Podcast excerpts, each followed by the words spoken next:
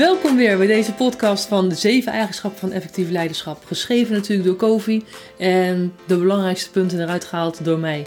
En vandaag gaan we het hebben over eigenschap 3. De belangrijke zaken eerst. En dat is de laatste eigenschap van overwinningen op jezelf. Dus waar jij zelf echt invloed op hebt. Waar je zelf invloed op kan uitoefenen. Jij kan beslissingen maken over wat ik nu wel ga doen of wat ik nu niet ga doen. En dat ik hier, hoe ik hierop reageer. Wat doe ik en wat doe ik wel? En belangrijk is, is dat je wat je wil behalen, wat we in eigenschap 2 hebben gezien, begin met het einde voor ogen, dat je daarnaar gaat handelen. Qua persoonlijkheid, maar ook qua professionaliteit en hoe je met je gezin of met je sociale omgeving omgaat. En je hebt vast wel, misschien doe je het wel, misschien ook niet, maar meestal aan het begin van het uh, nieuwe jaar, dan hebben we goede voornemens. En dan denken we van, hé, dit jaar wil ik stoppen met roken, minder drinken, meer bewegen, meer gezondere eten, whatsoever. Dan moet je eigenlijk ook zorgen dat al de taken die jij doet om dat voornemen te ondersteunen, ook echt belangrijk maakt. Dus dat je één keer in de week bijvoorbeeld naar de supermarkt gaat om gezond eten te halen.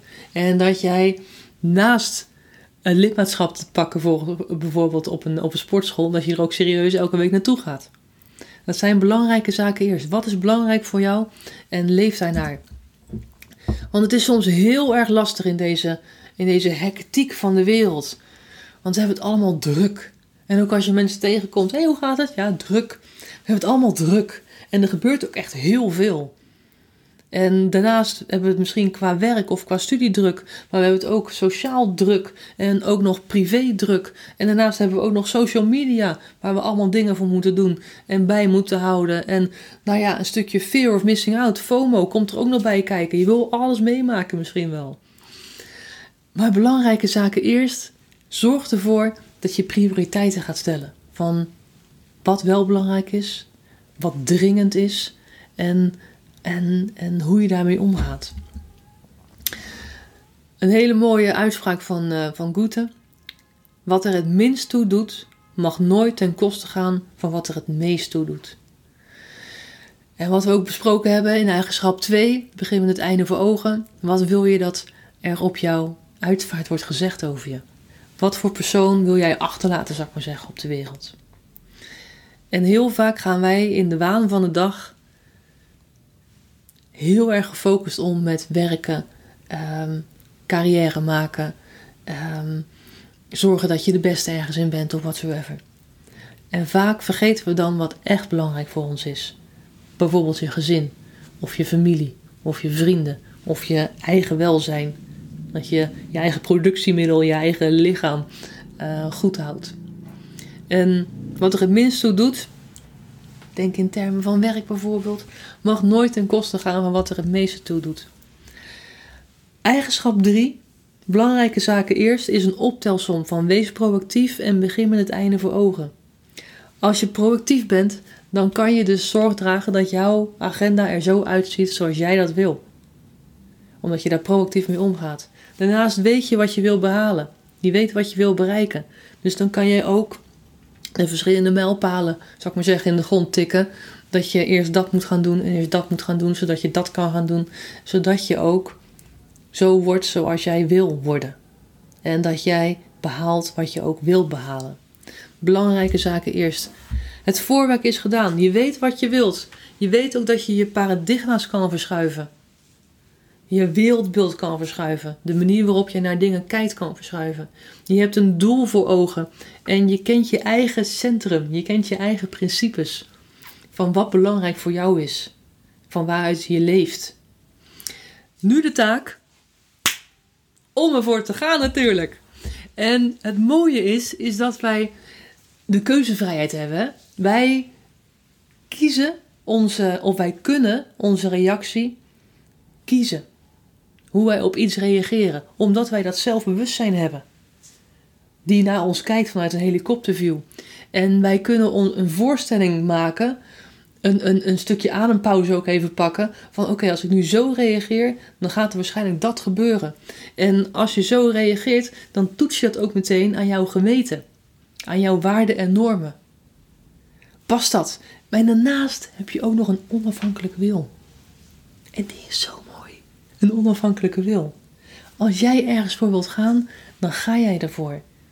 En dan kunnen heel veel mensen om je heen zeggen van, dat moet je niet doen. Dat kan toch allemaal niet. Dat past niet bij je.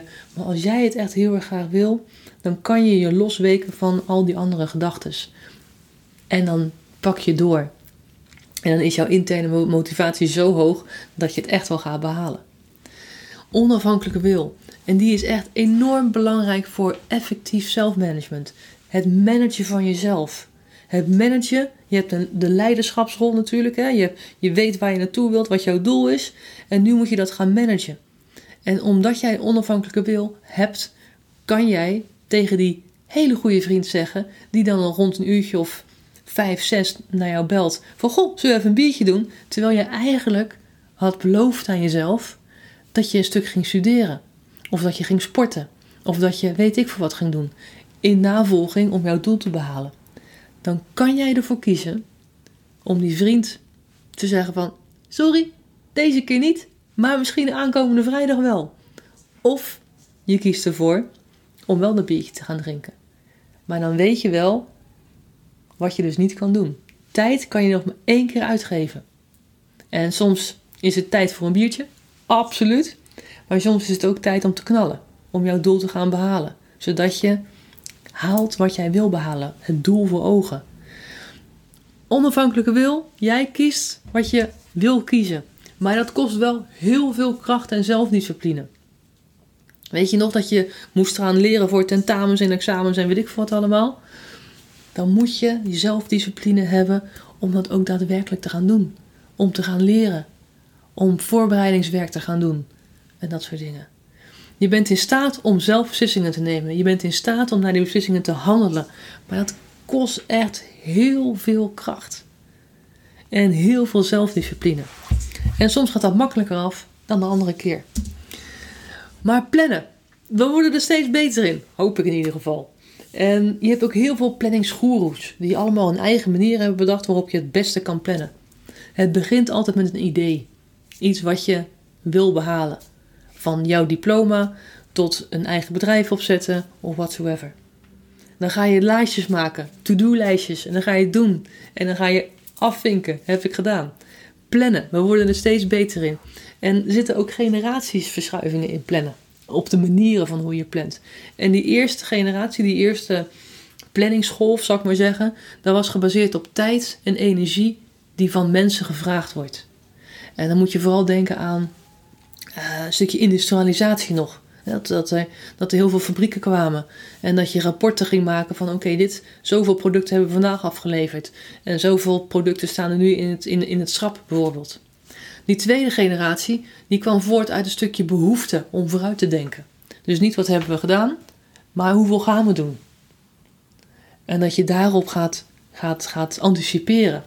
En dan ga je werken met kalenders bijvoorbeeld. Als je op 31 december dat wil behaald wil hebben, dan moet je de tijd gaan indelen om al die stappen te gaan maken.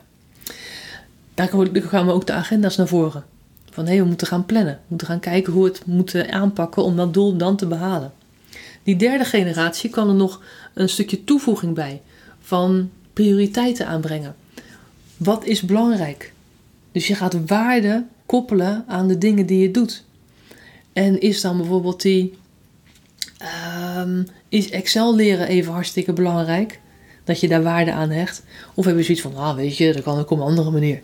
Dat kan ook een andere keer dan wordt die in waarde veranderd. En als je het belangrijk vindt om elke vrijdag met opa en oma te eten bijvoorbeeld, dan hecht je daar heel veel waarde aan. En zal je ook zeker zorgen dat je op vrijdagavond voor de rest niks te doen hebt. Want je gaat dan naar opa en oma om te eten. De vierde is dat je dat eigenlijk omgooit. En dat je vooral dat je niet je tijd gaat organiseren, maar jezelf. Dus dat je kijkt naar jezelf, dat je de manager wordt van, van je eigen persoon en dat jij jouw tijd gaat indelen naar hoe jij het wil indelen, naar wat belangrijk is voor jou. En dat is die vierde golf waar Kofi het ook vooral over heeft, de vierde generatie. En je richt je op verbeteringen van relaties en het bereiken van resultaten. En je gaat ook heel erg kijken naar hoe is het mijn productiemiddel, ikke, en mijn product, mijn resultaat, hoe is die balans? Je gaat dus echt letten op wat voor financiële, um, um, financiële of menselijke relaties moet ik allemaal aangaan om daar beter in te worden. En dan heb je, heeft COVID de tijdmanagement matrix opgesteld. En dat zijn vier kwadranten waar je, waar je meteen al ziet: oké, dit moet ik direct gaan doen, dat moet ik delegeren, dat moet ik laten doen en dat moet ik zeker niet doen. En dat zetten ze af tegen twee assen: dringend en niet dringend, en belangrijk en niet belangrijk. Dus de belangrijkheid en de mate van urgentie is hierin essentieel. En als iets heel erg belangrijk is en het is ook heel erg dringend, dan moet je dat ook meteen doen. Bijvoorbeeld als je baas komt en die zegt van hé, hey, morgen komt uh, Huppelepup naar ons kantoor en wil jij nog die offerte maken? Dan is dat opeens heel erg belangrijk omdat die morgen komt en die offerte moet gemaakt worden nu. Dus, zal ik maar zeggen, nu, nu, nu, direct. Dringend en belangrijk zit vooral in een stukje crisismanagement. Er gebeurt iets en dan moet je meteen op handelen. Alles moet je laten gooien, laten vallen, zal ik maar zeggen. En daar moet je meteen op gaan reageren. Soms is het wel belangrijk, maar niet zo dringend. En dat is wel het mooiste kwadrant die er is. Want daarin ga je eigenlijk kijken: oké, wat is belangrijk voor mij? Hoe ga ik dat indelen? En dan moet je niet dringend maken. Ja, je moet wel urgentie achter zetten. Maar het moet niet morgen af te zijn. Omdat je dat als een proces, dat je daar naartoe werkt. Dus als jij wil bijvoorbeeld dat jij uh, je familie, in ieder geval die in ver weggestanden wonen, ergens in Nederland of in België of in Duitsland, weet ik veel wat, dat je die wel heel erg waardeert en fijn vindt, dat je daar één keer in de maand naartoe wil, dan moet je dat plannen. Omdat je dat belangrijk voor jou is. En dat is niet urgent, want je hoeft hem niet morgen te zijn, maar je wil wel dat contact onderhouden, waardoor je dat dus gaat plannen. Je hebt ook dringende dingen, maar die totaal niet belangrijk zijn. En denk bijvoorbeeld aan Social media. Ja, je kent het wel, hè? Zit je op je telefoon? Of nou ja, je telefoon ligt naast je computer bijvoorbeeld. En pling, pling, pling. Een WhatsAppje komt binnen, Telegram berichtje komt binnen. Uh, Snapchat dingetje, weet ik veel wat. Pling, pling, pling. En je wordt meteen aangezet van oeh, interessant, wat zou het zijn? Op dat moment is dat heel erg dringend. Maar is het ook belangrijk? Nee, vaak niet. Vaak is het niet belangrijk. Of tenminste niet zo belangrijk dat je er meteen moet reageren. Laatste kwadrant is dat het niet dringend is en ook niet belangrijk. En dan ga ik er ook weer terug naar social media. Dat je gewoon urenlang kan scrollen op je telefoon of weet ik voor waarop. Dingetjes kijken, video's kijken. En daar is natuurlijk de marketingkant van al die social media kanalen echt heel goed in. Want ze laten jou hongerig blijven naar meer. Dat is echt heel knap. Kijk maar eens naar die eh, Netflix documentaire over uh, social media. Heel bijzonder. Dus die activiteiten. Die gebeuren. En ze zijn jou de taak in welk kwadrantje die gaat zetten. Want stel je voor dat je alleen maar blijft zitten op hele belangrijke dingen die heel dringend zijn in jouw beleving, dan gaat dat heel erg snel stress opleveren. Een stuk overspannenheid. En je bent altijd bezig met het blussen van brandjes al die dringende dingen die eigenlijk niet belangrijk zijn, dan zorg je ervoor dat je heel erg op korte termijn gaat denken. Als ik het nu maar even leuk heb, of als ik het nu maar even doe. En doelen en plannen zie je op dat vlak in ieder geval als waardeloos. Daar ben je niet mee bezig. Want je bent nu bezig, leeft in het hier en nu. En ik wil nu even op social media gaan bekijken. En vaak voelen die mensen die heel veel dringende zaken hebben die niet belangrijk zijn, zich een stuk slachtoffer en ze missen de grip op het leven. Omdat zij zich laten leiden door alle dringende, niet belangrijke zaken die in de wereld plaatsvinden. En dan meteen reageren en dus ook geen afstand kunnen nemen van bepaalde situaties. Als je heel lang in het dringende en het belangrijke segment blijft zitten, dan ga je uitvluchten zoeken.